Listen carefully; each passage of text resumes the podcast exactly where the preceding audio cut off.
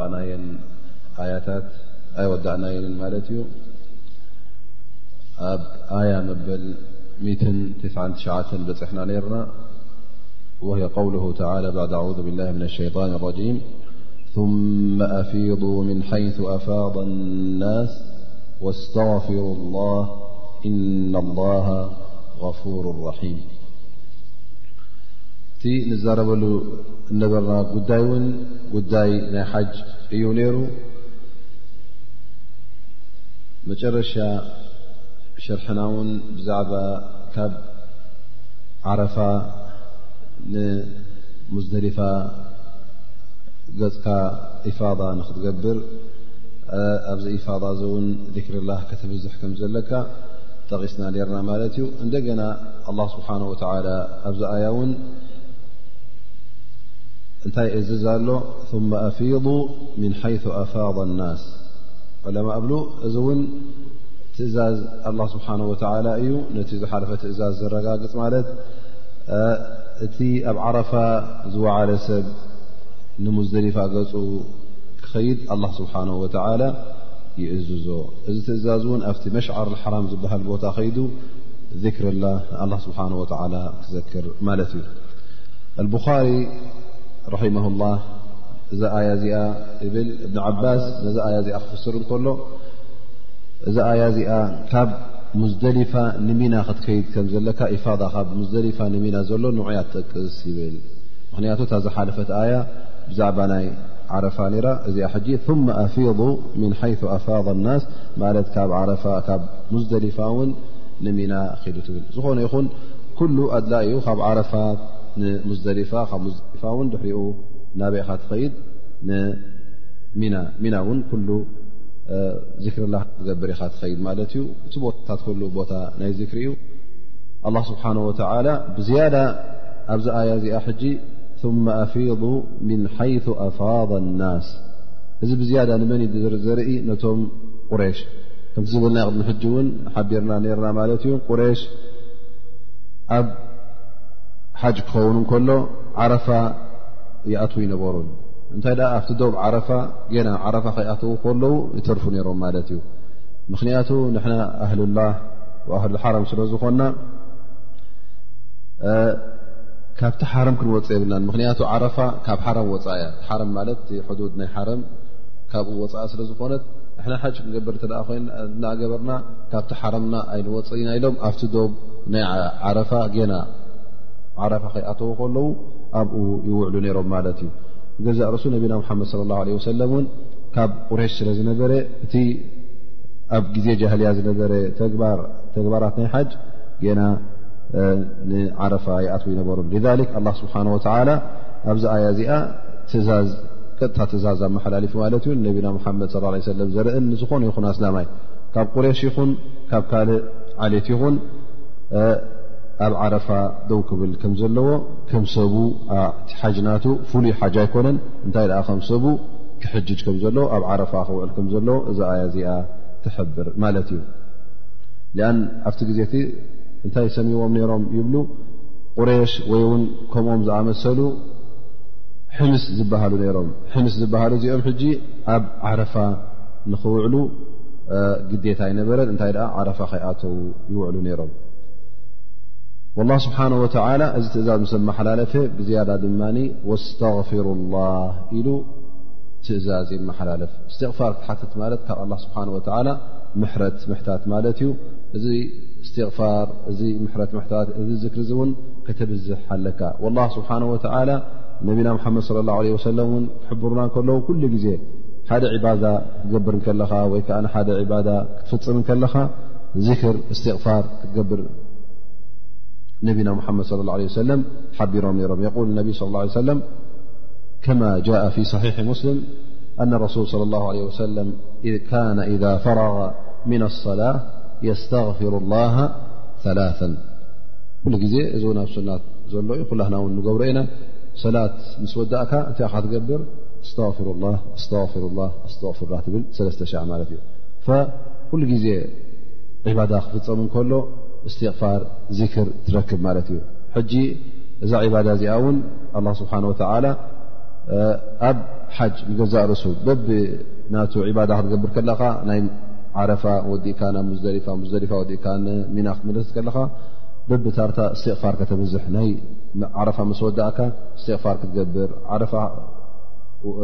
ሙዝደሊፋ ምስ ወዳእካ ውን እስትቕፋር ክትገብር ኣብቲ ሓደ ከይሓለፍካ ከለኻ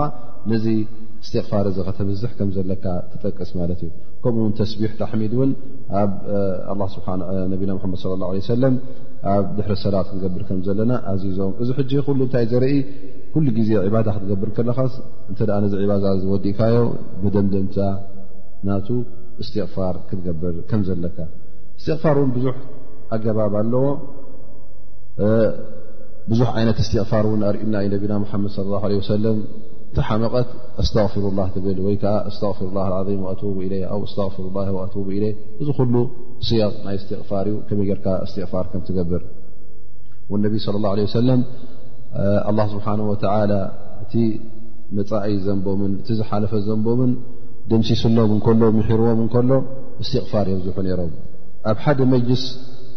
እንከሎ ወይ ካብ ሓንቲ ቦታ ኮፍ ኢሎም ከሎ ዳርጋ ሰ ግዜ እስትቕፋር ይገብሩ ነሮም ኣብ መዓልቲ እውን ዳርጋ ሚ እስትቕፋር ይገብሩ ነሮም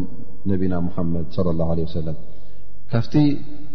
ኣገባብ ወይ ከዓ ዓይነታት ናይ እስትቕፋር ነቢና ሙሓመድ ለ ላ ለ ሰለም ዘፅንሑልና እውን ሰይዱ እስትቕፋር ዝተባህለ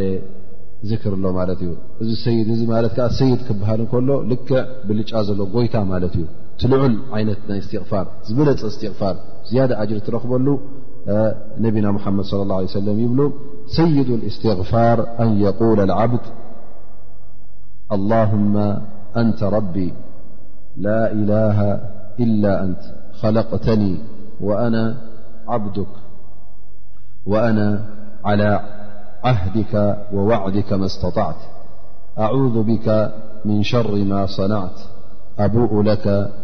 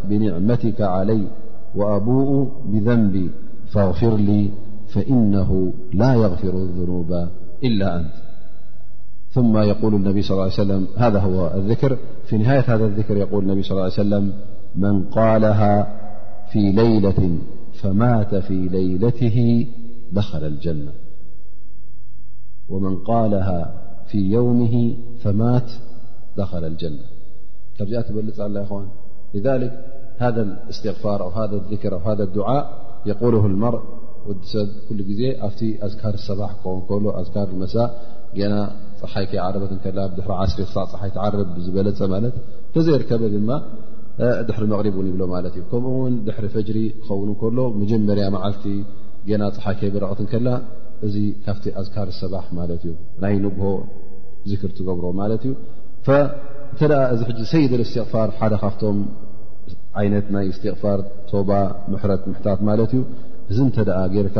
ኣላ ስብሓን ወላ መን ቃልሃ ፊ ዮም እየ ሎም መዓልቲ እተ ንግሆ ጌርካ ነርካ እሞ ኸዓ ፍርቂ መዓልቲ ሜትካ ደኸለ ልጀና ተኸየል ፍርቂ ደቂቕ ርብዒ ደቂቕ ኣይትወስደልካን እያ ግን ስብሓና ላ ናይ ሸይጣን ኮይኑ ትርሰዓ ኢኻ ረቢ ስብሓን ወላ ቲማ ጥዒቲ ዘይከተበልካ እውን ክትርሰዓ ትኽእል ኢኻ ኣው ቃል ፊ ለይለት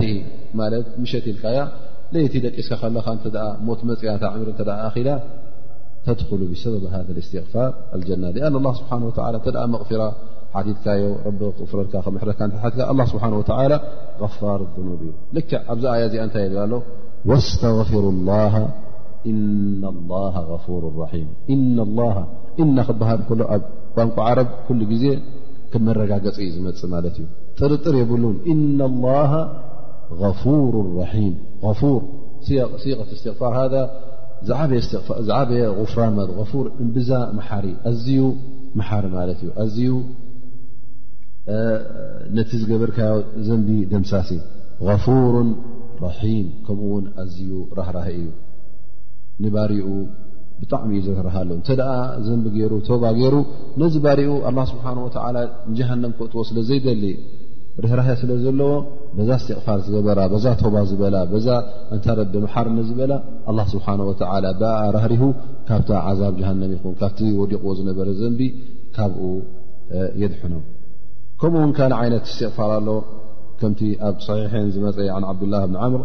ኣነ ኣባበከር ቃል ኣቡበከር ስዲቅ ነቢና ሙሓመድ ለ ላ ለ ወሰለም ይሓትዎም ያ ረሱላ ላ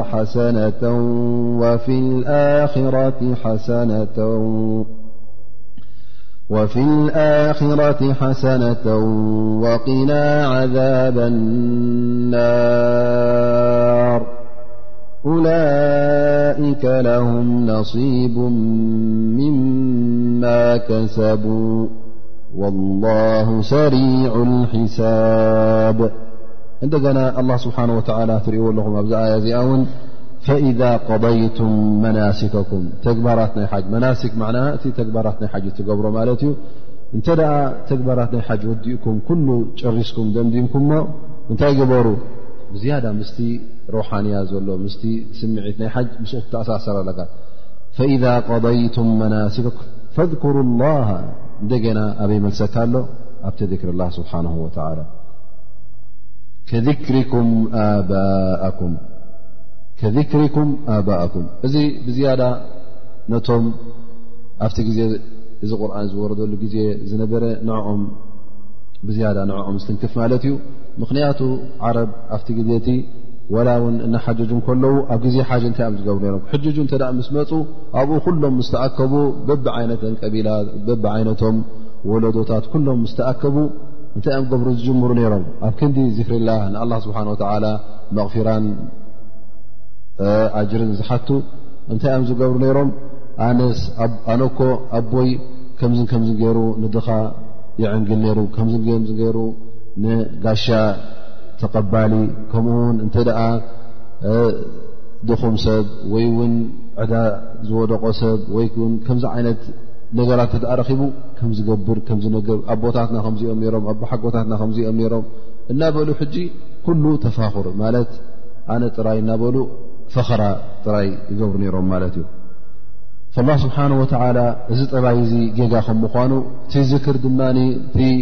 እስትቕፋር ይኹን እቲ ምዝካር ኣብ ክንዲ ነቦታትኩም ዝክርዎም ሲ ንኣላ ስብሓን ወተላ ዝክሩ ፈذኩሩ ላሃ ከذክሪኩም ኣባእኩም ጥራይ ከምኡ ኣይኮነን ኣው ኣሸደ ራ ካብኡ ባ ዝገደደን ዝበርትዐን ክኸውን ኣሎ እቲ ዚክር ንላ ስብሓን ወተላ እሶም ብጣዕሚ እዮም ዝዝክርዎምን ዝውድስዎምን ዝፋኸርሎምን ዝነበሩ ማለት እዩ ነቶም ኣቦታቶም ላ ስብሓን ወተላ ነዚ ገዲፍኩም ልክዕ ከምቲ ነቶም ኣቦታትኩም ለይትን ምስ መዓልቲ ናብቲ ግዜ ሓጅ ትዝክርዎም ዝነበርኩም ንኣላ ስብሓን ወተላ ዘክርዎ እዚ ድማ እንታይ እዩ ብዝያዳ ናበይ የተባብዖም ናበይ ይደፋፍኦም ኣሎ ናብቲ ዝፊላ ስብሓን ወተላ እቲ ኣብቲ ግዜኦም ዝነበረ በቲ እሶም ዝብድልዎ ዝነበሩ ብኡ ኣላ ስብሓን ወተላ የዘኻኽሮም ኣሎ ማለት እዩ ስለዚ እስኻ ውን ካብኦም ተምሃር ኣብ ግዜ ሓሓጅ ምስ ወዳእካ መናሲከል ሓጅ ምስ ወዳእካ ኣብቲ ኣያም ተሽሪቅ ክኸውን ከሎ ወይ ከዓ ሓጅ እውን ወዲኤ ኢልካ ንኣላ ስብሓን ወተላ ኣይትረሳዓዮ እንታይ ደኣ ዝክሪ ኣብዝሕ ኢኻ እቲ ዝክሪ ድማ እስትቕፋር ክኸውን ይኽእል እዩ ተስቢሕ ክኸውን ክኽእል እዩ ታሕሚድ ክኸውን ይኽእል እዩ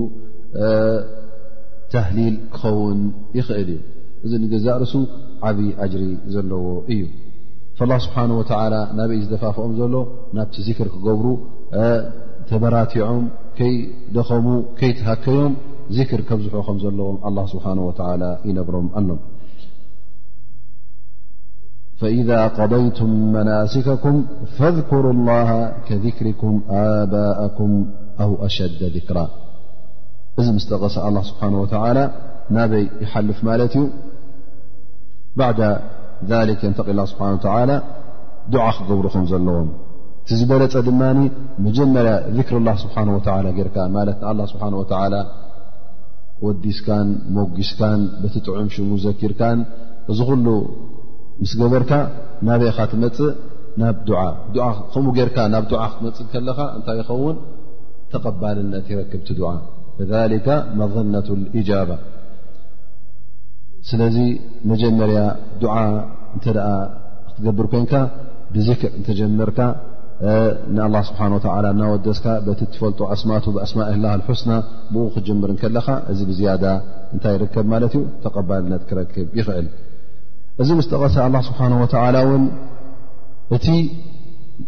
ጌጋ ዝግበር ዝነበረ ዱዓ ክገብሩ ከለዉ እቲ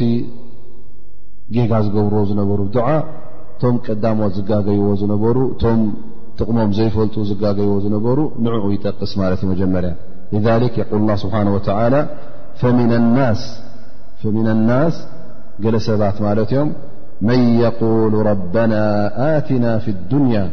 ወማ ለሁ ፊ ልኣክረት ምን ኸላቅ ኩሉ ቃልብኦን ኩሉ ልቡን ኣብ ምንታይ ይኸውን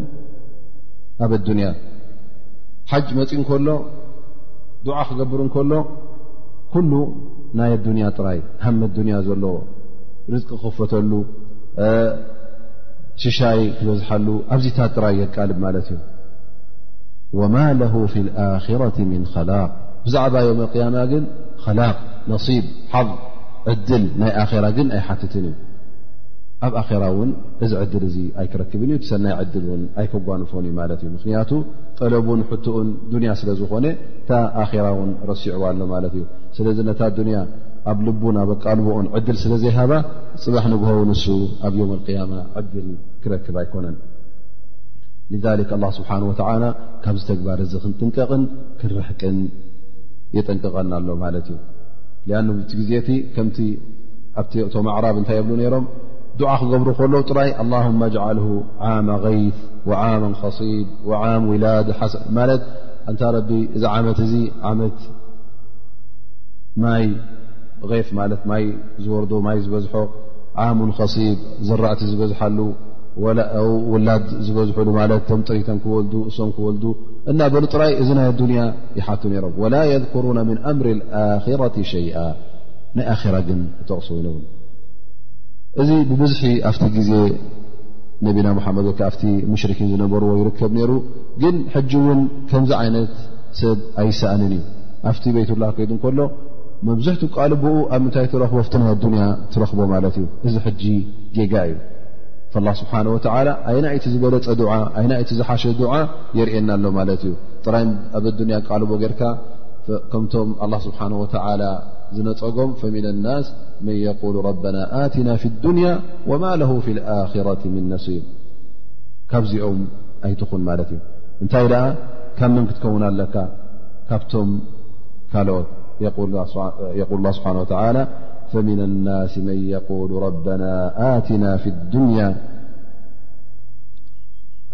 እዚኣ እታ ቀዳይቲ ማለት ተካልይቲ ወሚንሁም ኣብቶም ካልኦት ይምፃና ኣሎ ማለት እዩ ወሚንሁም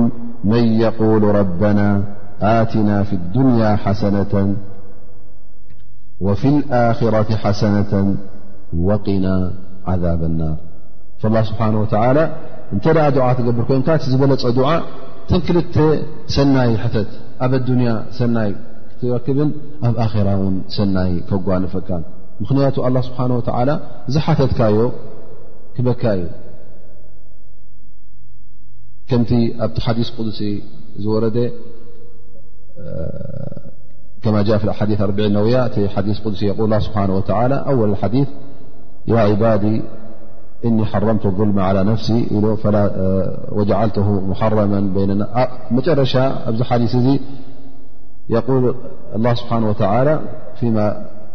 رواه النبي صلى ليه وسلم عن ربه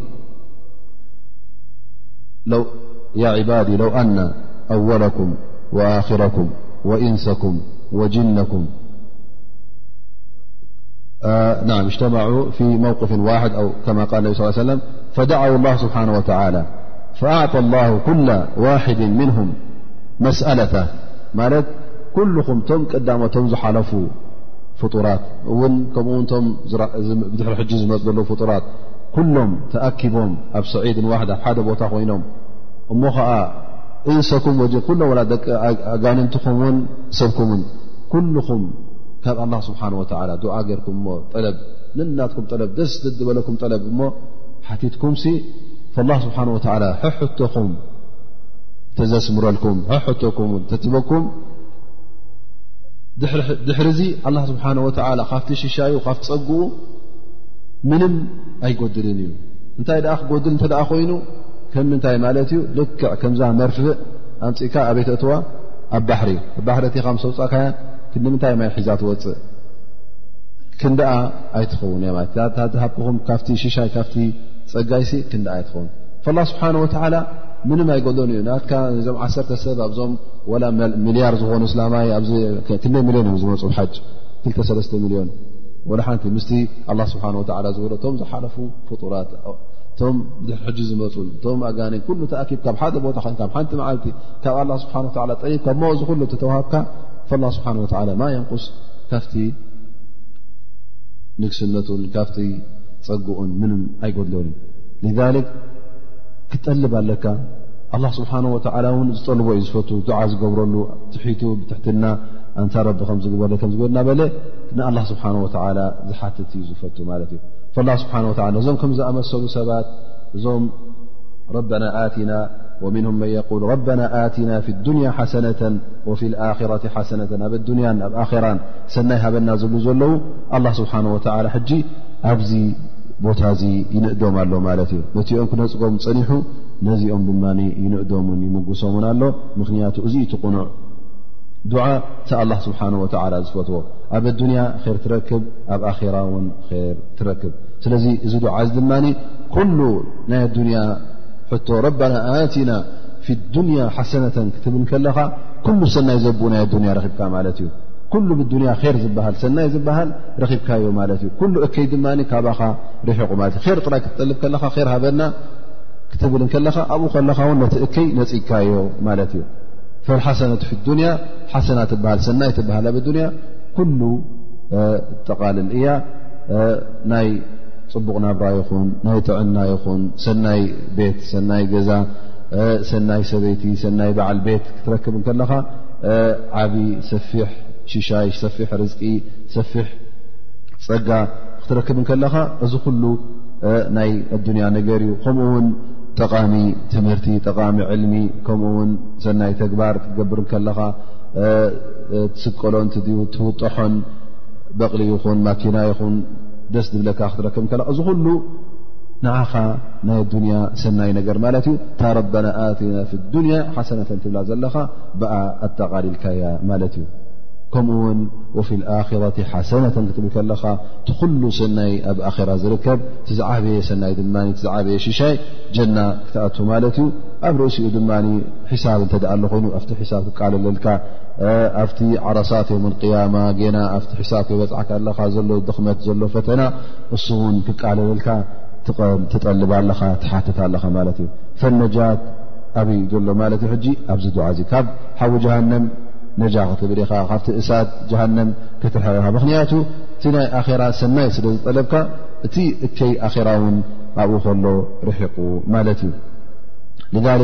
ኣብ ሱነት ነቢ صለ ه ለ ሰለ ክንርኢ ተ ኮይና እዚ ድዓ እ ብዝሒ ክነዘውትሮ ከም ዘለና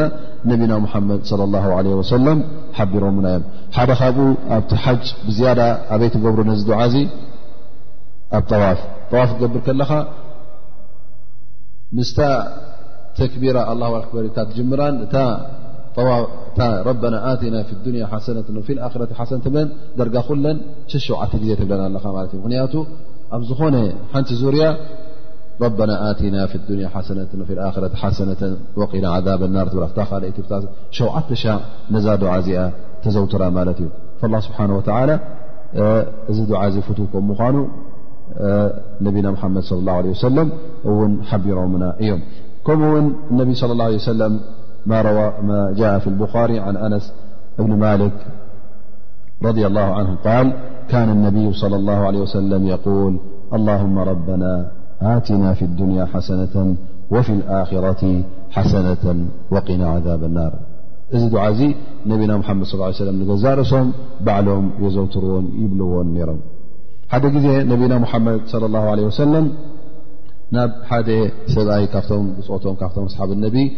ሓሚሙ ምስ ሰምዑ ናብዚ ሰብ እዚ ይመፁ ማለት እዩ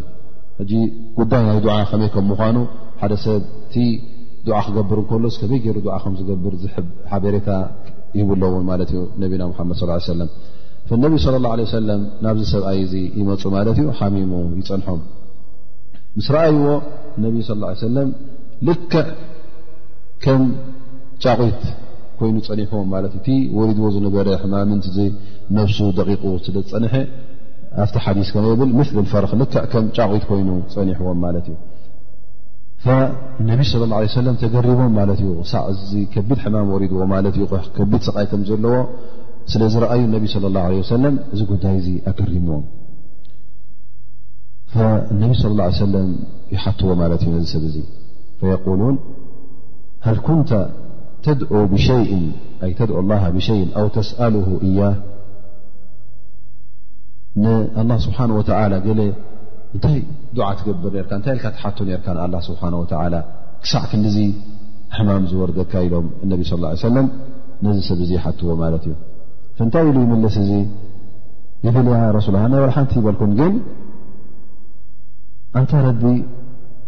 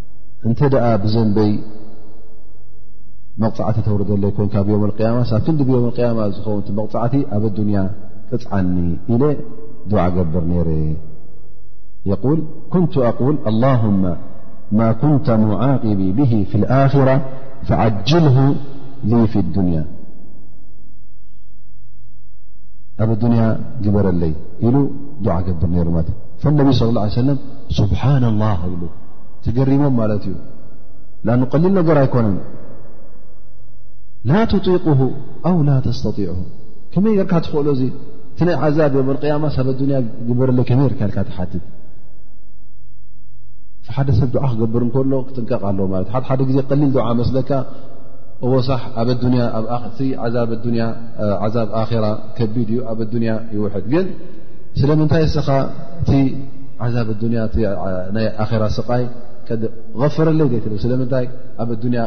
ክትክተኒ ኣብ ኣዱንያ ዓቕበኒ ትብል ላ ስብሓን ወላ غፋረ ዝኑብ እዩ ሓሓደ ግዜ እውን ኣብቲ ሰዓት እጃባ እተ ኢልካዮ ኣላ ስብሓን ወላ እዚ ድዓ ዚ ክቕበሎ ስለ ዝኾነ ነብስኻ ይኹን ንውላድካ ይኹን ንዝኾነ ይኹን ሰብ ድዓ ሰናይ ድዓ ክትገብርሉ ድኣ ኣለካ እምበር ወላ እውን ሓሪቕካ ሕማቕ ድዓ መፀርፍን መርገምን ካብ ኣላ ስብሓን ወላ ከምዝውረድካ ከምዝውረድካ ኢልካ ነብስኻ ይኹን ንቤተሰብካ ንስድራኻ ንውላድካ ንዝኾነ ይኹን ኮታ ስላማይ ኣንፃሩ ድዓ ክትገብር የብልካ ስለዚ እነቢ ስ ሰለም እዚ ነገር ስስ ኣይትኽእሎን ኢኻ ይብሎ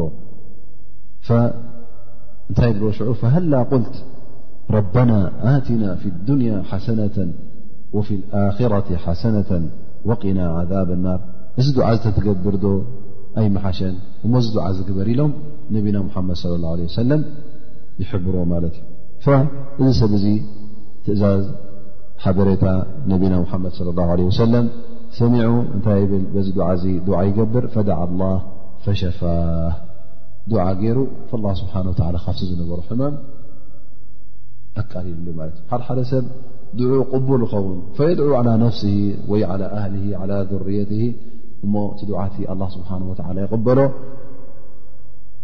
እሱ ይደክም እሱ ይዋረድ ደቁ ይዋረዱ ዝርኡ ይዋረዱ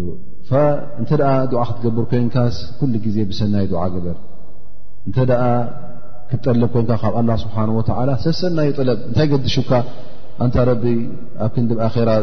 ትዕዝበኒ ኣብ ክንዲ ኣብ ኣራ ተሳቅየኒ ብዱንያ ሳቅየኒ ብ ክንዲ ምባል ኣንታ ረቢ ካብ ኩሉ ስቃይ ኣድሕነኒ ስቃይ ኣዱንያን ስቃይ ኣራን ኣድሕነኒ ኢልካ ድዓ ምግባር እዚ እቲ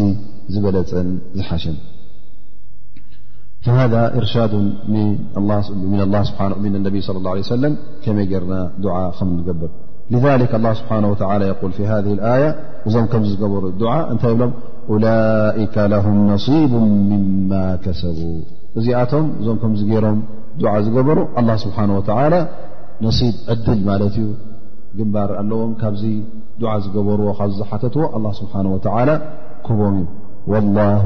ሰሪዑ ልሒሳብ ኣላ ስብሓን ወተዓላ እውን እቲ ፀብፃቡን እቲ ሒሳቡን ቀረባ እዩ ርሑቕ ኣይምሰልኩም ፀብፃብ ገበር እተ ኮይኑ እውን ፅባሕ ንጎም ኳሕሰም ትመፅእ እያ ምክንያቱ እዱንያ ወላ እውን ኣሽሓት ዓመት ተገበረት ወላ ሚልዮን ዓመት ተገበረት እቲ መፃኢ መፃኢ ስለ ዝኾነ ቀረባ እዩ ርሑቕ እውን ኣይኮነን ሊክ ኣላ ስብሓን ወተዓላ ንዝኾነ ሰብ እተ ክቐፅዖ ኮይኑ ወይ ከዓ ሰናይ ክፈድዮ እተ ኮይኑ እቲ ፀብፃብን ቲ ሒሳብን ኣብ ኢድ ላ ስብሓን ወተላ እዩ እዚ ሒሳብ እዚ መዓልቲ እውን ርሑቕ ኣይኮነን እዚ መዓልቲ ፀብፃብ ን ርሑቕ ኣይኮነን ኢሉ ኣላ ስብሓን ወተላ የዘኻኽረና ኣሎ ማለት እዩ ثማ የقል ላ ስብሓን ወተላ ወذኩሩ ላሃ ፊ ኣያም ማዕዱዳት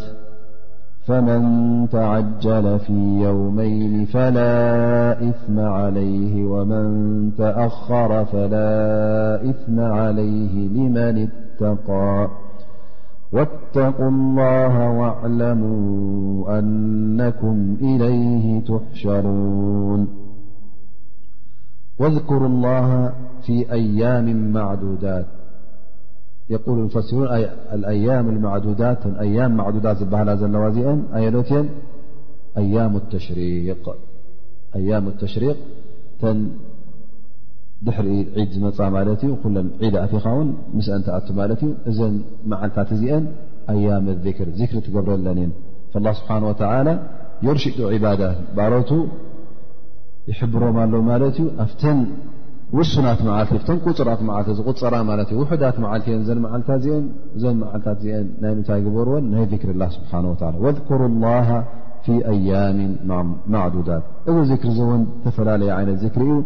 ወይ ተክቢር ክኸውን ይኽእል እዩ ኣሎ ተክቢር ኣብ ኣያም ተሽሪቅ ትገብሮ ተክቢር ተክቢር ሙጥለቅ ወይ ከዓ ተክቢር ሙቀየድ ክኸውን ይኽእል እዩ ኣብቲ ብድሕሪ ሰላዋት ትገብሮ ዘለኻ ተክቢር ኣሎ ማለት እዩ ድሕሪ ሰላት ፈርዲ ምስ ሰገድካ ዝግበር ኣብ ኣያም ተሽሪቅ ኣብ ዕለት ኣብ ዒድ ጀሚርካ ካልኣይ ዒድ ሳለሳይ ዒድ እቲ ራብዓይ ዒድ ማለት እዩ ኣላ ኣክበር ኣላ ኣክበር ይናርካ ነዚ ዝክር እዚ ተዘውትር ማለት እዩ ኣብ ርእሲኡ እውን ኣብቲ ኣያም ተሽሪቅ ክኸውን ከሎ ክትሓርድ ከለኻ ተክቢር ከይርካ ትሓርድ ብስሚላ ኣላ ኣክበር ትብል رمي جمرات قبر كل تكبير ال لذ تكبير ج ت جزيت ن كفت ل ي تكبير تحميد تهليل ذكر الله تقبرل معلت مت ذكرالله تبزحل أ معلت ذ والنبي صلى الله عليه وسلم يول قال رسول الله صلى يه وسلم يوم عرفة ويوم النحر وأيام التشريق عيدنا أهل الإسلام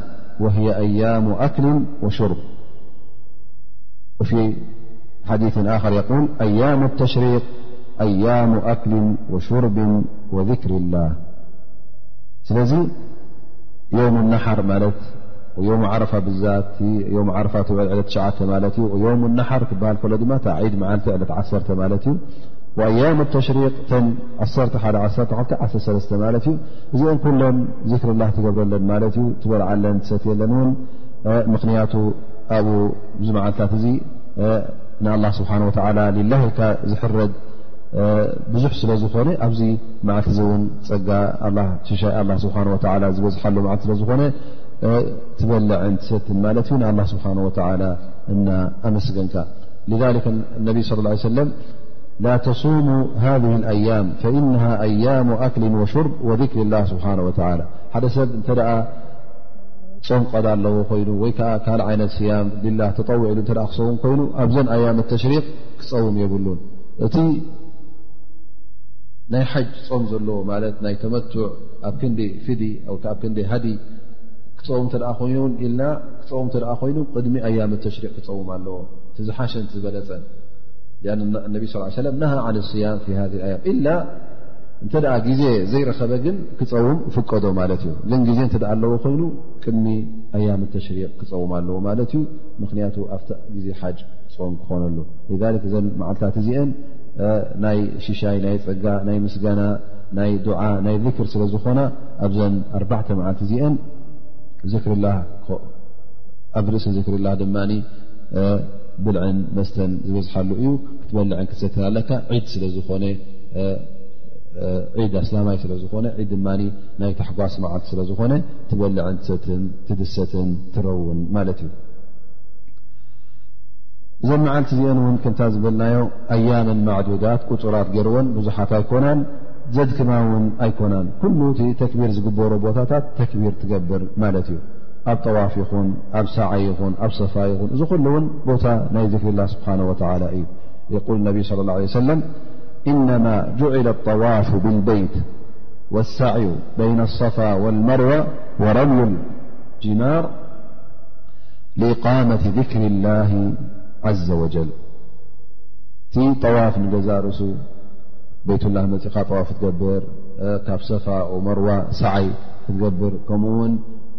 ጂማር ረምል ጀመራት ክትገብር እማን ክትስሉ ከለኻ እዚ ኩሉ ንምንታይ ተገይሩ ነታ ذክሪ ላ ስብሓ ወላ ንምቋም እዩ ተገይሩ ሱቕ ኢልካ ይኮንካ ጠዋፍ ክትገብር ከለኻ ናፃወትካ ይኮንካ እታይ ሪ እናገበርካ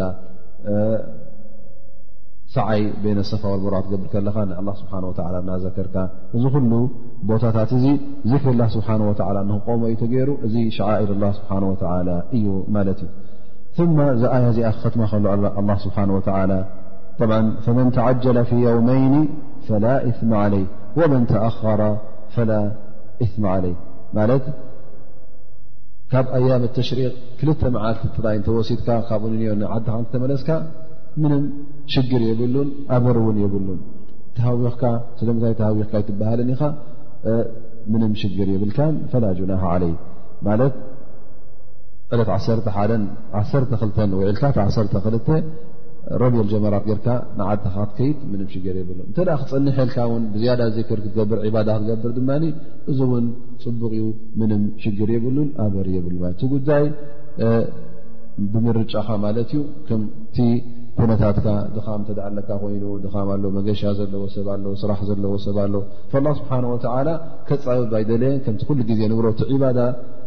ኣላ ስብሓን ወላ ክእዝዘና ከሎ ኩሉ ኣዓቕምና ገይሩልና እዚ ዲን እዚ ንገዛእ ርእሱ እውን ፎኪስን ቀሊል ገይሩና ከም ዝበልናዮ እነሀ እውን ኣብዚ ኣያ እዚ ኣላ ስብሓን ወላ ግዴታ ክሳዕ ዕለት ዓሰር ሰለስተ ፅንሑ ይበለና ግን እንተ ደኣ ተሃዊኽኩም እውን ክልተ መዓልቲ ጥራይ ኣኽላኹም እየን ኢሉ ኣላ ስብሓን ወተዓላ ነዚ ናይ ኣያም ተሽሪቅ ጉዳይ ይሕብረና ኣሎ ማለት እዩ ፈላ እثመ ዓለይህ ልመን ተቃ ኩሉ ግዜ ድማ እቲ ጉዳይ ብተቕዋ ላ ስብሓ ወ እንተ ክትተርፍ ኮንካ ማለት 13 መዓልቲ ወይ ዓ ከ 12 መዓልቲ ርካ መበል ዓ12 መዓልቲ ናይ ዙልሕጃ ይኹን ወይ መበል 13 መዓልቲ ሓደ ን ክትመርፅ ከለኻ እዚ ጉዳይ እዚ ምስ ምንታይ እዩ ዝረአ ምስቲ ተቕዋ ናካ ምስቲ ኢማን ናካ ስለምንታይ ኻ ተሃዊኽካ ስለምንታይ ኻ ደንጊኻ ሓደ ሰብ እተ 1ሰለስተ መዓልቲ ገይሩ ሓደ ሰብ ድማ ዓሰርተ ክልተ መዓልቲ ገይሩ እቲ ዓሰሰለስተ መዓልቲ ዝገበረ እ ሳለሰይቲ መዓልቲ ዝወሰኸ እዚ ሰብ እዚ ብዝያዳ ተቕዋ ልላ ስብሓን ወተዓላ ኮይኑ ብኢማን ተበጊሱ ዝያዳ ኣጅሪ ክረክብ ገይሩ ወይስ ብካልእ ጉዳዩ እዩ ላ ስብሓን ወተዓላ ኩሉ ግዜ ትቐንዲ ነገር ተልብኻ እንታይ እያ እሳ እታ ቐንዲ ምስቲ ባዳ ክትገብር ከለኻ ምስቲ ንያ ምስቲ ኣብ ልብኻ ተሓስቦ ምስ ተኣሳሰር እየ ላ ስብሓን ወተላ ላዓላ እቲ መበል 12 መዓልቲ ዝኸደ ብዝያዳ ፍርሃት ረቢ ኣለዎ ኸውን ግን ካልእ ጉዳይ ኣገዲድዎ ተበጊሱ ኸውን እስኻ ውን ኣነ መበል 13 መዓልቲ ፀኒሐ እሞ ካብቶም ካብ 12 ዝኸዱ ኣነ ሓይሽ ክትብል የብልካ ነታ ነብስኻ እንታይ ኣፍለጠካ ተኢማንናካን ተቕዋናካን ክሳዕ ክንደይ ሓያልን ብርትዕን ከም ምዃኑ ግን እተ ካብ ኢማን ተበጊስካ ካብ ተቕዋ ላ ስብሓ ተበጊስካ ጌርካዮ ግን ብዝያዳ ኣጅሪ ከም ትገብረሉ ምንም ዘጠራጥር ኣይኮነን ኣጅሪ ከም ትረክበሉ ማ የል ወተق ላ እንደገና ውን ንኣላ ስብሓን ወላ ፍርህዎ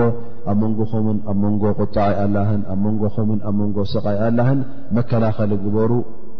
ኢሉ ኣላ ስብሓን ወላ ይሕብረና ኣሎ እዚ መከላኸሊ ድማ እንታይ እዩ ኩሉ ግዜ ጣዓት ላ ስብሓን ወላ እዩ ንኣላ ስብሓን ወላ ክትጥይዕ ንኣ ስብሓ ወላ ክትምእዘዝ እዚዩ እቲ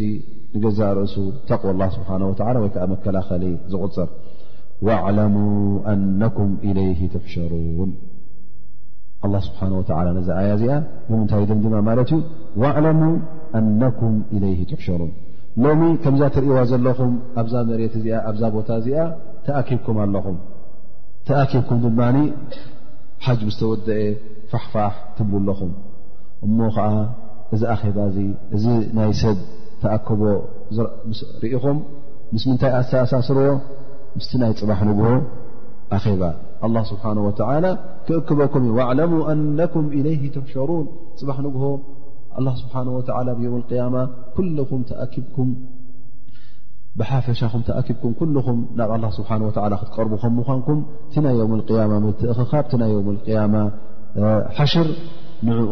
ዘክሩ ንኡ ትዝ ይበልኩም ኢሉ ኣላ ስብሓን ወተዓላ የዘኻኽረና ኣሎ ማለት እዩ ኩሉ ግዜ እቲ ጉዳይ እውን ምስቲ ናይ ዮም ቅያማ ክትኣስሮ ከም ዘለካ እቲ ናይ ኣዱንያ ዝግበር እቲ ናይ ኣዱንያ ዝርከብ ንዑ ተዓዚብካ ፅባሕ ንግሆ ኣ ከመይ ክኸውን ዩ ፅባሕ ንግሆ እውን ኣ ስብሓ ወ ከምዛ ኣብዚኣ ተኣከብና ፅባሕ ንግሆ ከኣካክበና ኢልካ ንኣላ ስብሓን ወተላ ናይ ዮም ቅያማ ምስኡ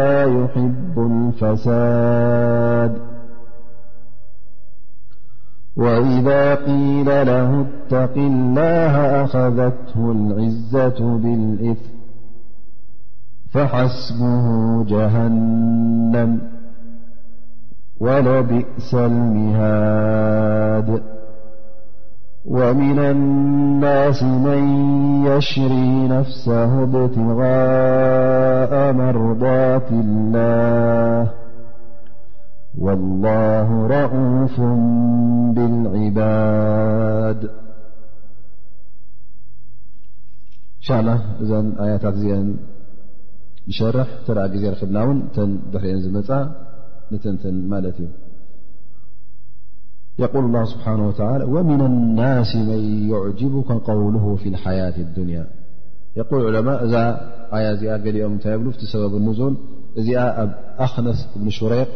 ኣثቀፊ ዝበሃል ሓደ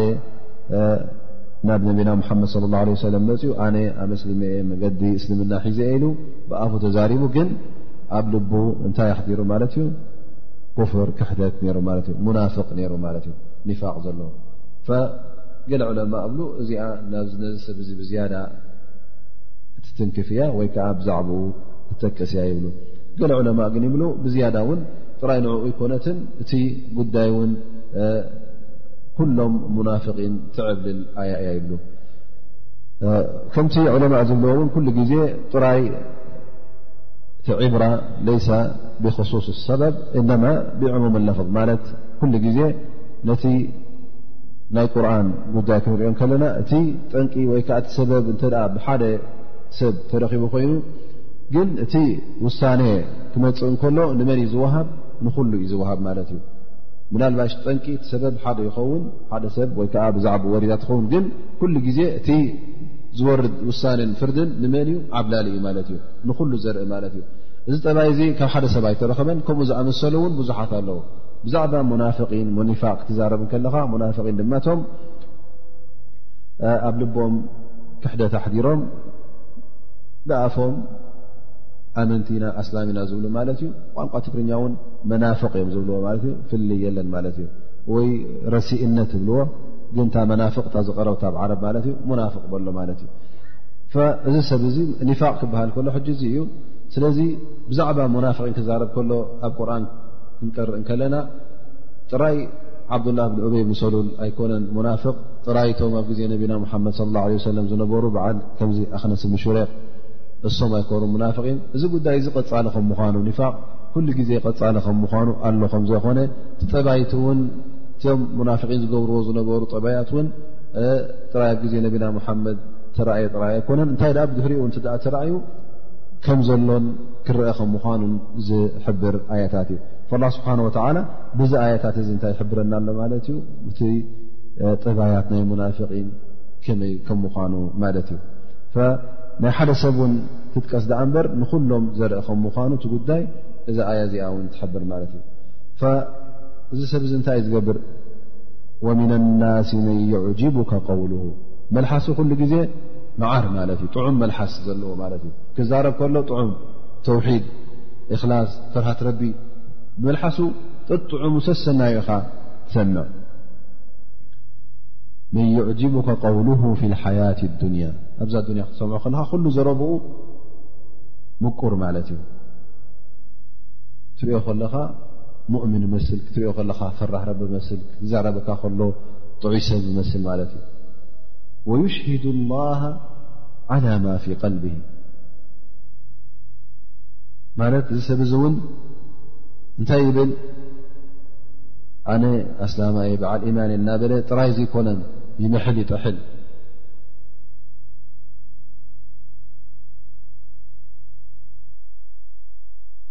ዘረባይን ትልበይንሲ ሓደ ከም ምዃኑ ኢሉ ንኣላ የመስክር እውን እናበለ ክጀሃር ትረኽቦ ማለት እዩ ብኣፉ ክዛረብ ትረኽቦ ማለት እዩ ወይ ብዝያዳ እንታይ ኢሎም ፈሲሮማ ወይሽሂዱ ላሃ ዓላ ማ ፊ ቀልቢ ማለት እቲ እስልምናን እቲ መገዲ ሓቅን እቲ ብኣፉ ዝብሎን ንሰብ የርእዮ ማለት እዩ ግን ብልቡ ኣንፃር ኣላ ስብሓን ወተላ ክዋጋ ኣንፃር ኣላ ስብሓን ወተላ ክሰርሕን ናይ ኒፋቅን ናይ ክሕደትን እዩ ዝመልኦ ማለት እዩ ፈዚኦም እንታይ እዮም ዝመስሉ ከምቲ ኣላ ስብሓን ወላ ብ ካልእ ኣያ ዝበሎም የስተኽፉና ምና ናስ ወላ የስተኽፉና ምና ላ ኩሉ ግዜ ካብ ሰብ ጥራይ እዩ ሕጂ ጉዳይ ናይ ሰብ እዩ ዝግድሶ ካብ ሰብ ክሕባእ ኣብ ቅድሚ ሰብ ክመላኻዕ ኣብ ቅድሚ ሰብ ክፀባበቕ ኣብ ቅድሚ ሰብ ጥዑይ ክበሃል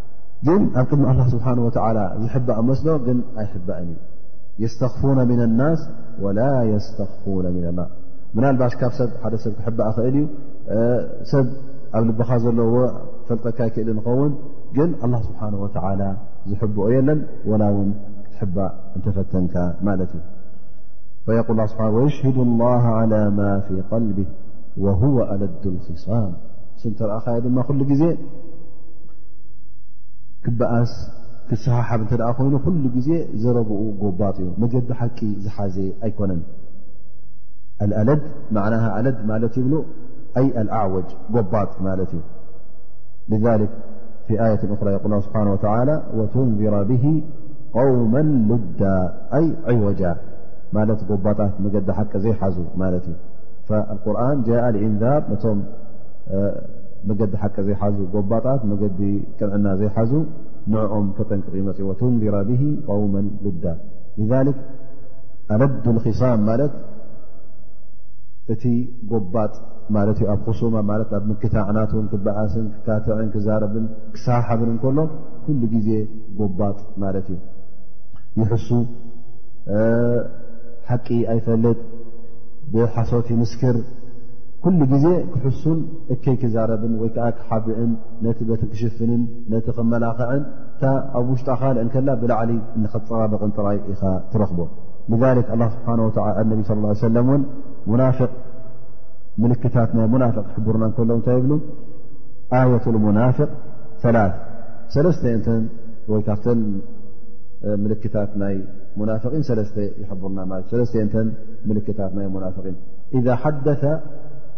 ከዘብ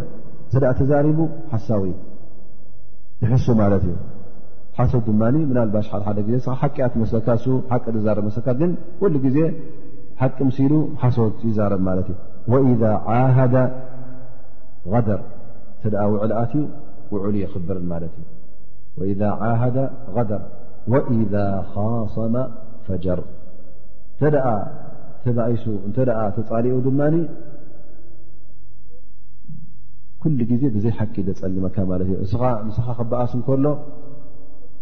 ጥራይ እታ ዝበደልካ ይኮነን ዝዛረብ ንኣብነት ወላ ውን ንስኻ በድሎ ክትብድሎ ከለኻ ነዛ ነገር እዚኣ ዓፃፂፉ ዓፃፂፉ ወሳሲኹ ደራሪቡ ንስኻ ዘይበልካዮን ንስኻ ዘይገበርካዮን ከምዚ ገይሩኒ ከምዚ ኢሉኒ ኢሉ ድብልብል ውስኽስኽስኽ ኣቢሉ ንዓኻ ከላስ ዘይጠቅም ገብረካ ማለት እዩ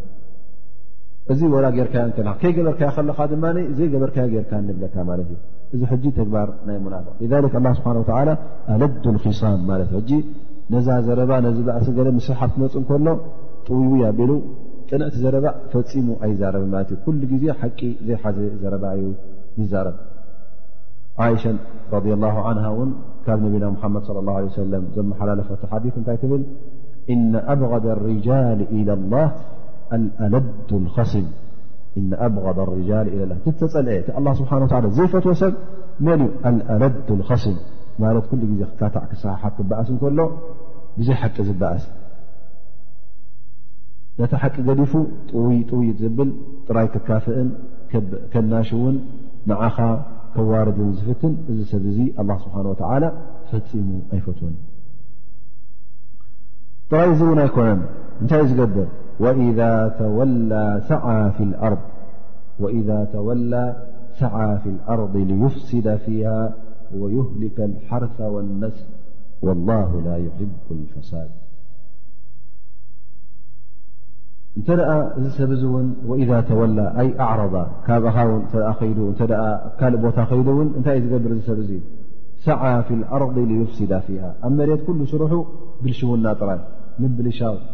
መሬት ከበላሹ እተዘይኮይኑ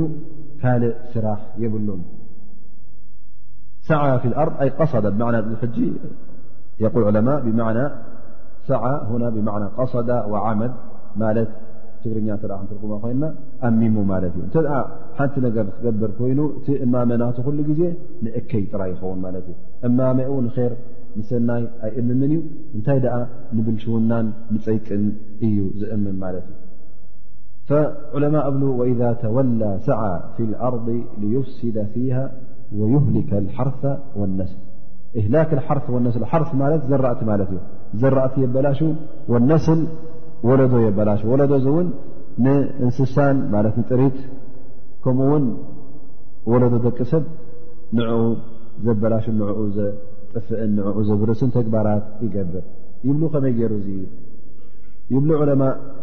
እዚ ሰብ እዚ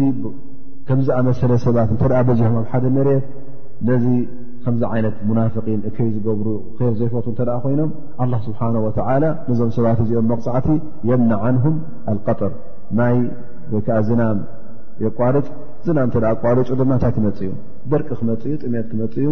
ዘራእቲ የለ ዘራእቲ በርስ ጥሪት ውን ይበርስ ወዲ ሰብ ውን ዝበልዖ ምስተኣነ እቲ ውላድካ ምስ ወለድካ ውን ብጥምት ብደርቂ ይመውት ማት እዩ እዚ እቲ ጉዳይ ይብሉ ማለት እዩ እዚ ከምዝኣመሰለ ሰብ ኩሉ ሃምናቱን ድልትናቱን እንታይ እዩ ነዛ ዱንያ ወይ ከዓ ናብዛ መሬት ፈሳድ ክዝርግሕ ኣብዛ ዱንያ ር ክዝርግሕ ኣይደልን እዩ ብዘይካ ፈሳድን ብዘይካ ብልሽውናን ብዘይካ ጥፍኣት ሃገርን ጥፍኣት መሬትን ጥፍኣት ውላድን እንተዘይኮይኑ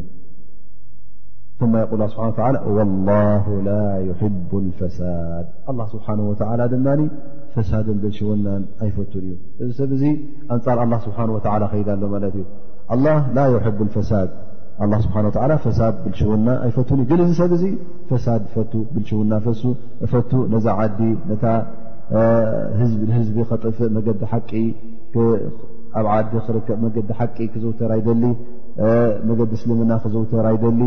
ኢማን ክዝውተር ኣይደሊ እንታይ ደኣ ኩሉ ሰብ ልክዕ ከምኡ ወይ ሙናፍቅ ወይ ክሓዲ ኮይኑ ክነብር እሞ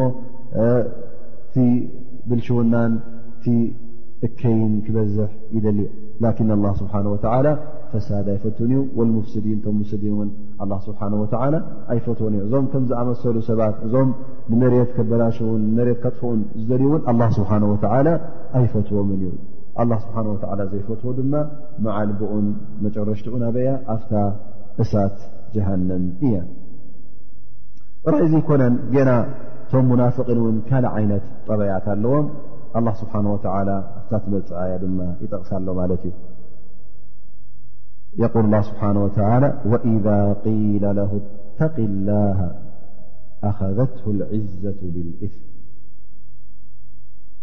እተ ደኣ እዚ ሰብ እዚ እዚ ዓይነት ብልሽውና እዚ ዓይነት እዚ ጠባይ ናይ ሙናፍቅ ጠባይ ሒዙ ሓሶትን ምጥፍፋእን ውዕል ዘይምኽባርን ምጥላምን ምበኣስን ዘይተገብረ ተገይሩ ዘይተባህለ ተባሂሉ እናበለ ንዓኻ ምስኻ ክበኣስ ምስ ካልኦት ክበኣስ እንከሎ ንዓ ጌጋ እዩ ንዓ ረቢ ፎትዎን ኢልካ ክትመኽሮ ከለኻ ወኢዛ ቂላ ለ ተቂ ላ ራቢ ፍራ ክትብሎ ከለኻ እንታይ እዩ ዝገብር ዝሰብ እዙ መውዒዛ ወይ ከዓ ምኽሪ ኣይሰምዕን እዩ ወኢዛ ቂለ ለ ተቂ ላ ኣኸዘት ልዕዘቱ ብልእፍ በቲ ሒዝዎ ዘለዉ መገዲ በቲ እከይ ዝኾነ መንገዲ ንዕኡ ጥራይ ሒዙ ዕዛ ማለት ከመይ ገርኣ ነዚ ሰብ ዝመኺሩኒ ሕራይ ለምለስ ወላ እውን ንመገዲ ሓቂ እናመለስካዮ ከለኻ እንታይ ኣኸዘት ልዕዘት ብልእዝ ላስ ነዛ ነገር እዚኣ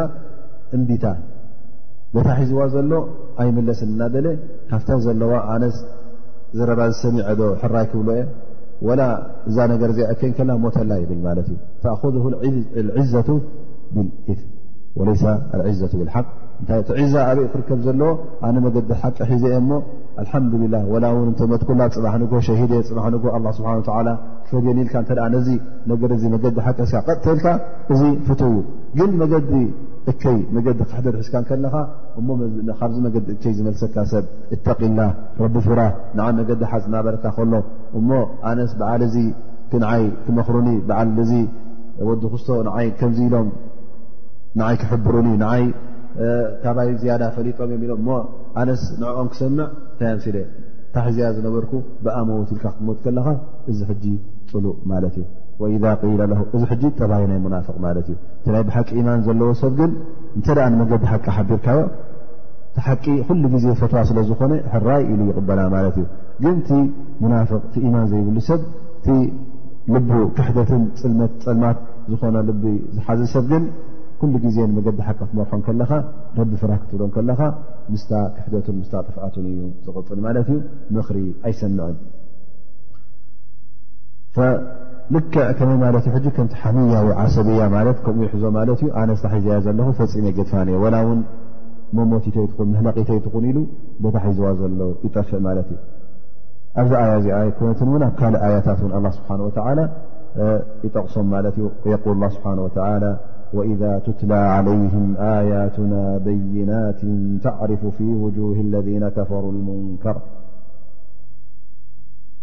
آيت الله سبحانه ولى أ ك الله سبحانه ولى أ ل ل ل ه تعرف في وجوه الذين كفروا المنكر ኣ ም تفلጦ نر زيتقبلዎ م يفلጥ يمكرون هذا المعرف يكرن الآيات التي تتنزل عليهم تعرف في وجوههم المنكر يكادون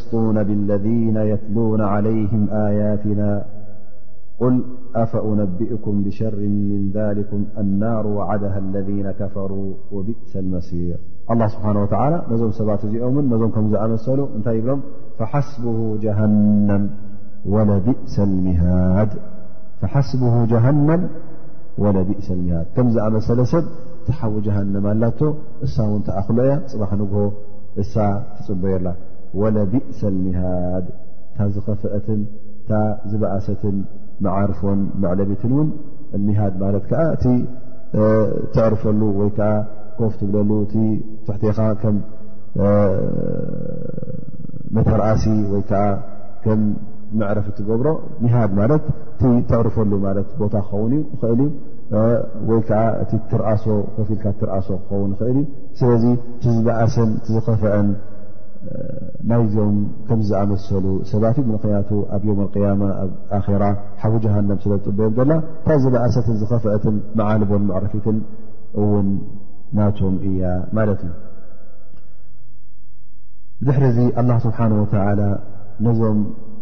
መገዲ እከሒዞም ዘለዉ ነዞም ሙናፍቒን ነዞም ክሓቲ ምስ ጠቐሰ ናበይ ግልፅ ይብል ማለት እዩ ናፍቶም ናይ ብሓቂ ኢማን ዘለዎም ሰባት ናፍቶም ብሓቂ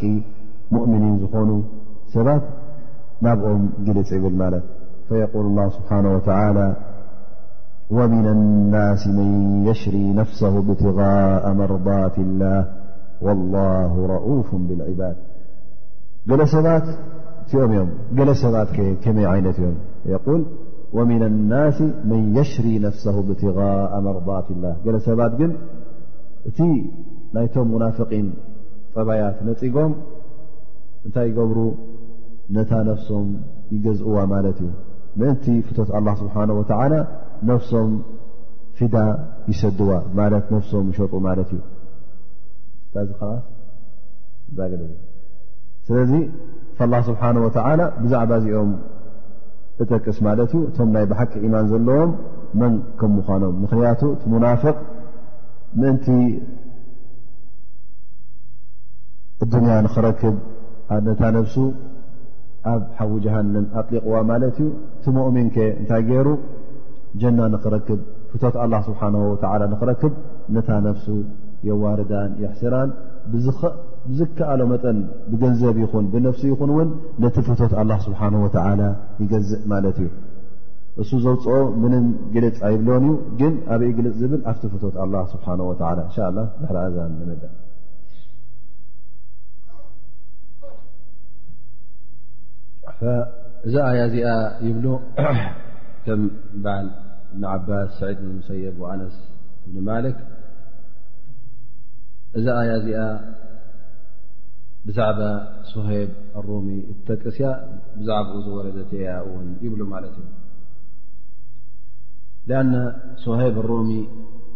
ኣብ መካ እንከሎ ካብ መካ ንመዲና ክሃጅር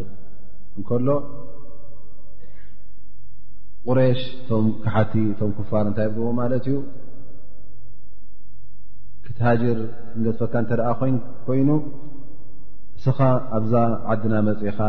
ብ ሶሄብ ሩሚ ካብ ሩም ስለ ዝኾነ ኣብ መካ ወዲ ዓዲ ይኮነ ነይሩ ማለት እዩ ስለዚ ኣብዛ ዓድና መፅእካ ሰሪሕካ ብዙሕ ገንዘብ ብዙሕ ሃፍቲ ደሊብካ ኢኻ እሞ ክንገድፈካ ክትወፅእ እንተ ኮይኑ እቲ ገንዘብካ ክትህበና ኣለካ ይብልዎ ማለት እዩ እተ ሂብካና ክንገድፈካ ተዘየሎ ካብ መካ ኣይትወፅእን ኢኻ ንመዲና ሰዓት ንክትከይድ ኣይ ነፍቀደልካ ኢና ይብልዎ ማለት እዩ ሶሃይ በሮሚ እቲ ኩሉ ገንዘቡ ዝነበረ ይቦም ማለት እዩ ይገድፈሎም ጥራይ ግደፍሉ ንዓ ይብሎም ማለት እዩ ኣብታ ዓደይ ኣታ መዲና ነቢ صለ ه ሰለ ዘለዎ ዓዲ ዓዲ ኢማን ኣብኣ ክኸይድ ክበፅሕ ይብል ማለት እዩ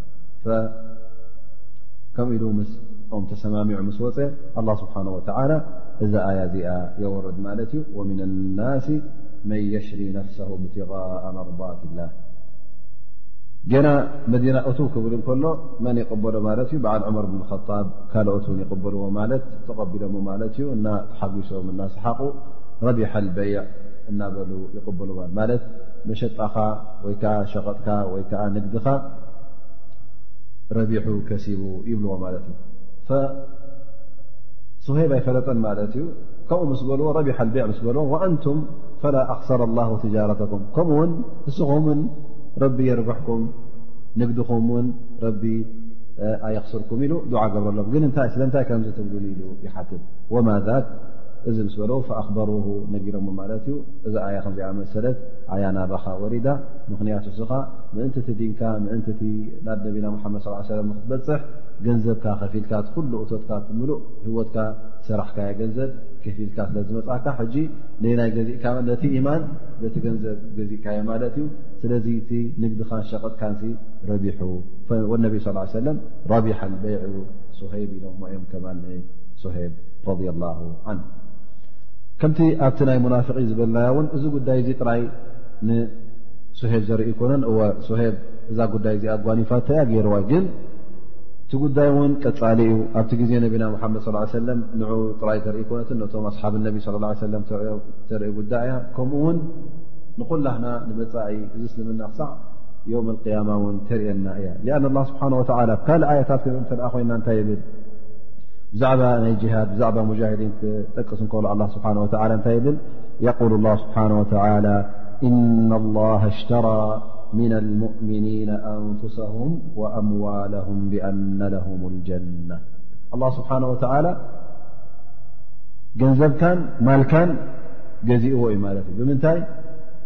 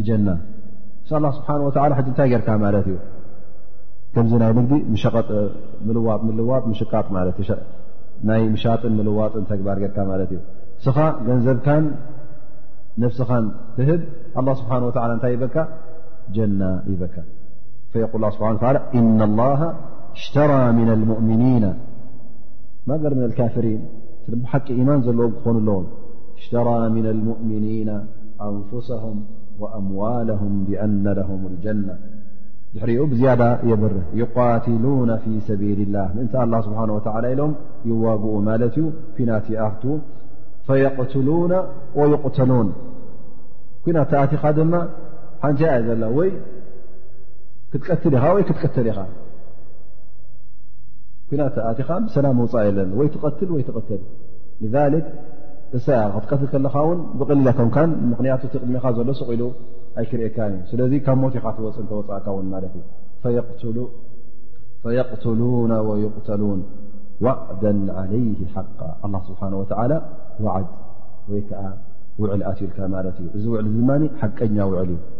ኣላ ስብሓን ወተላ ፈፂሙ ኣይጠልሞን እዩ እንተ ብሓቂ ምእንቲ ኣላ ስብሓን ወላ ኢልካ ኩናት ኣትኻ ምእንቲ ኣላ ስብሓን ወላ ኢልካ ውን ተዋጊእካ እሕደል ሑስነየን ካብተን ክልተ ሰናይ ሓንቲ ክትረክብ ከም ምኳንካ ክትጠራጠር የለ ቶሜትካ ጀና ኢኻ እንተ ተሪፍካ ውን ዓወት ክትረክብ ኢኻ ዋዕደ ለይ ሓቃ እዚ ጉዳይ እዚ እውን ሓቂ ምኳኑ ሕጂ ኮነ ተጠቂሱ እንታይ ደኣ ዋዕደ ለይ ሓቃ ፊ ተውራት ወልእንጂል ወልቁርን ሰለስተ ዩ ክታብ እቲ ኣላ ስብሓን ወተላ እዚ ነገር እዚ እዚ ጉዳይ እዚ ከም ዘረጋገጦን ሓቀኛ ከም ምኳኑ ዘየጠራጠር ከም ምኳኑ ውዕል ኣትዎ ዩ ኣላ ስብሓን ወተላ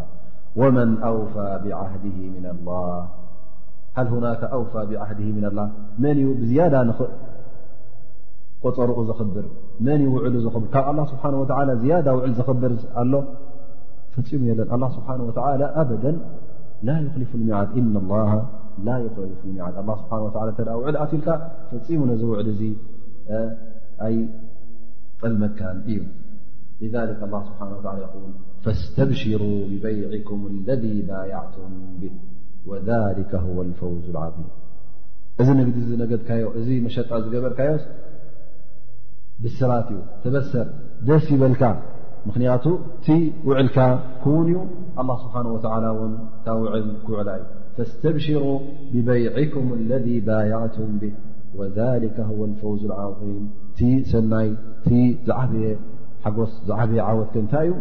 ምስ ኣላ ስብሓን ወተላ ውዕል ኣቲኻ ምስ ኣላ ስብሓን ወተላ ንግዲ ኣቲኻ እሞ ኣላ ስብሓን ወተላ ደምካን ነፍስኻን ገንዘብካን ምስ ከፈልካ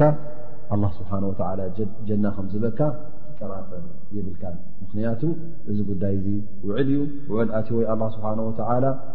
ሓድሽ ውዕል ውላ ኣይኮነን ካብቲ ቅድሚ ሕጂ ዝነበረ ኣብ ክታብ ተውራት ኣብ ኦሪት ኣብ እንጂል ኣብ ወንጌል ኣብ ቁርን ኣብዚ ቁርን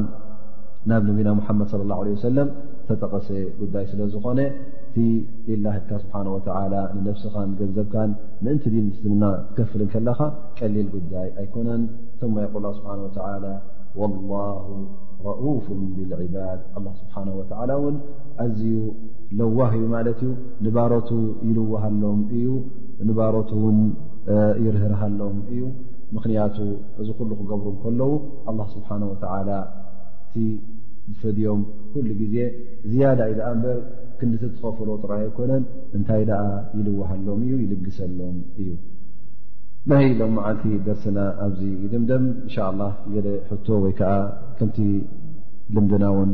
ገለገለ ዝሓዝናዮ ፋይዳን ነጥብታት ድማ ንጠቅስ ማለት እዩ እንሻ ላ ናብቲ ፋይዳ ንኣት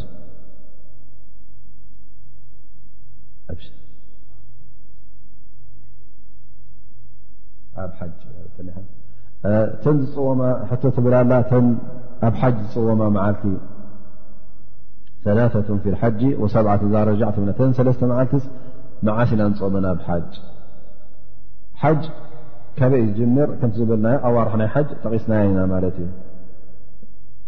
እሕራም ምስ ገበርካ እተ ኣብተን ኣዋርሕ ናይ ሓጅ እተ ጌርካ እተ ተመትዕ መፅኻ ኹን ወላ ውን ቂራን መፅኻ ይኹን ትፀም እተ ኮንካ ካብቲ ኣሕራም ዝገበርካላ መዓልቲ ትጅምር ትኽእል ኢኻ ማለት እዩ ስለዚ ግዜ ኣለካ ማለት እዩ ምናልባሽ ወላ ውን ኣብ ሸዋል ጌርካ ኣሕራም ኣለካ ምሉ ግዜ ዚ ሉ ኣሽሁር ሓጅ እዩ ዝሕሰብ እተ ተፃይቡካ ግን ኣብተን ዓሽር ኣዋኢል ማለት ዕለት ሓደ ዕለት ክልተ ዘለዋ እዚአን እውን ተን ዝበለፃ መዓልታት ብዝያዳ ውን ናይ ፆም መዓልታት እተን ብሉፃት መዓልታት ስለ ዝኾነ ኣብዚአን መዓልቲ እዚአን እንተ ፆምካ እውን ፅቡቕ ማለት እዩ እሱ እቲ ዝበለፀ ቅድሚ ዒድ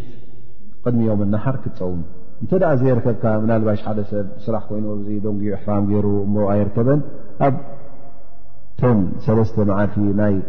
ኣያም ተሽሪቅ ኣብ እንተ ፀምካ እውን ምንም እንሻ ላ ሽግር የብሉን ይብሉ ዑለማ ማለት እዩ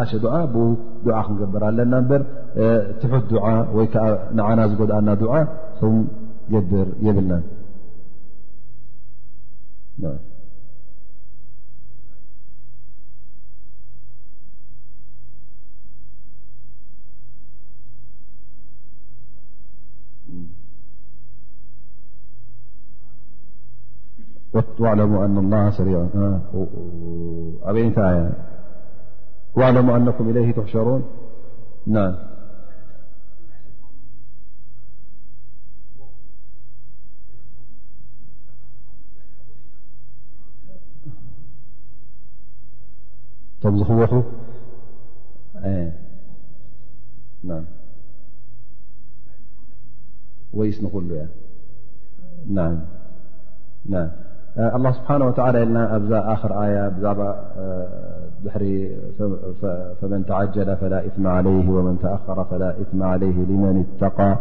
واتقوا الله واعلموا أنكم إليه تحشرون مرش ية واعلمو أنكم إليه تحشرون الله سبحانه وتعلى تق هل ዚ دي نቶم زهوخ ዘلو تጠنقق ዘل ويس نخل እي እታ ኣያ እተ ክሪኣ ኮይና ንኩሉ እያ ኣ ቶም ዝህወኹን ዘለውን ቶም ዝዝንጉዩ ዘለውን ኣላ ስብሓን ወተላ ኩሎም ምንም ኣበር ከም ዘይብሎም ዘንቢ ከም ዘይብሎም ተቂስዎም እዩ ዝደንጎየን ዝቐልጠፈን ኩሎም እኹል ሓጅ ከም ዝገበሩ እኹል ጣዓ ከም ዝገበሩ ኣላ ስብሓን ወተላ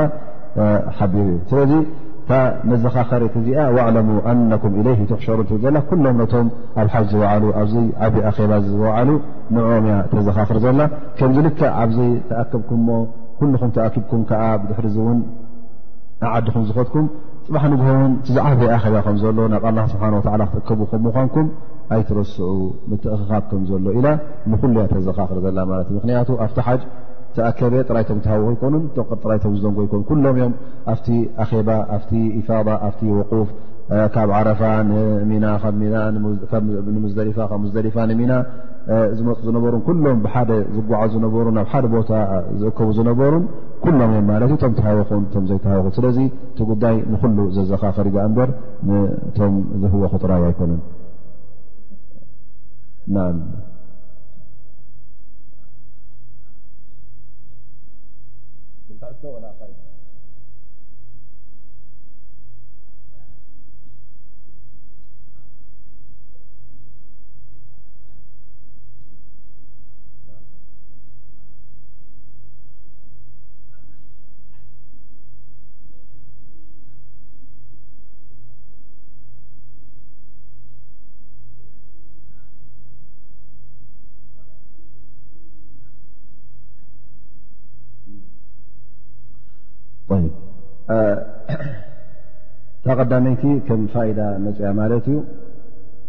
እታ ፋይዳ ድማ ሓደ ሰብ ዕባዳ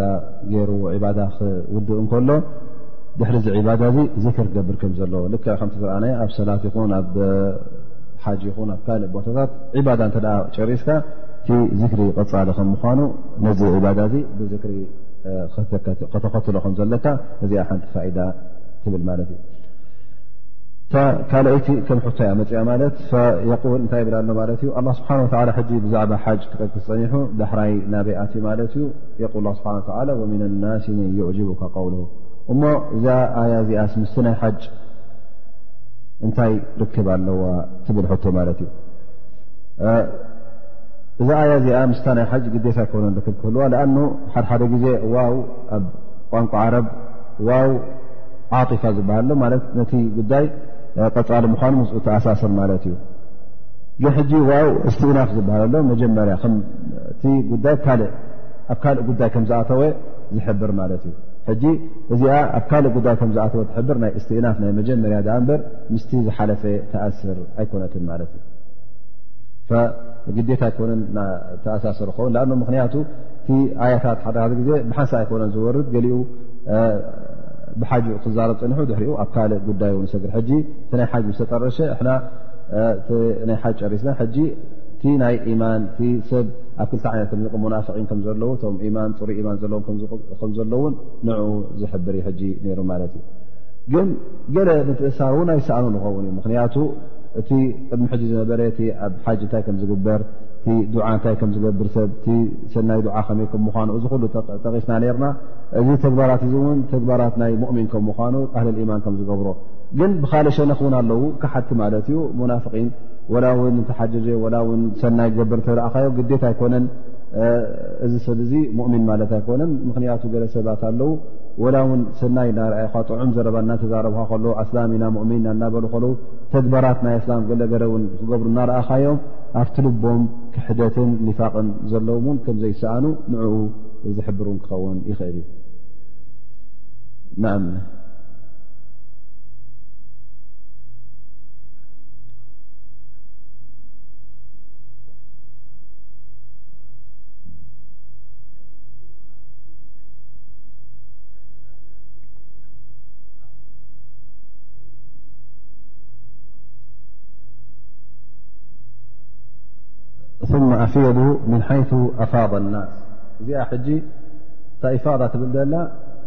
ዕለማ እብሉ እቲ ኢፋዳ ማዕሩፍ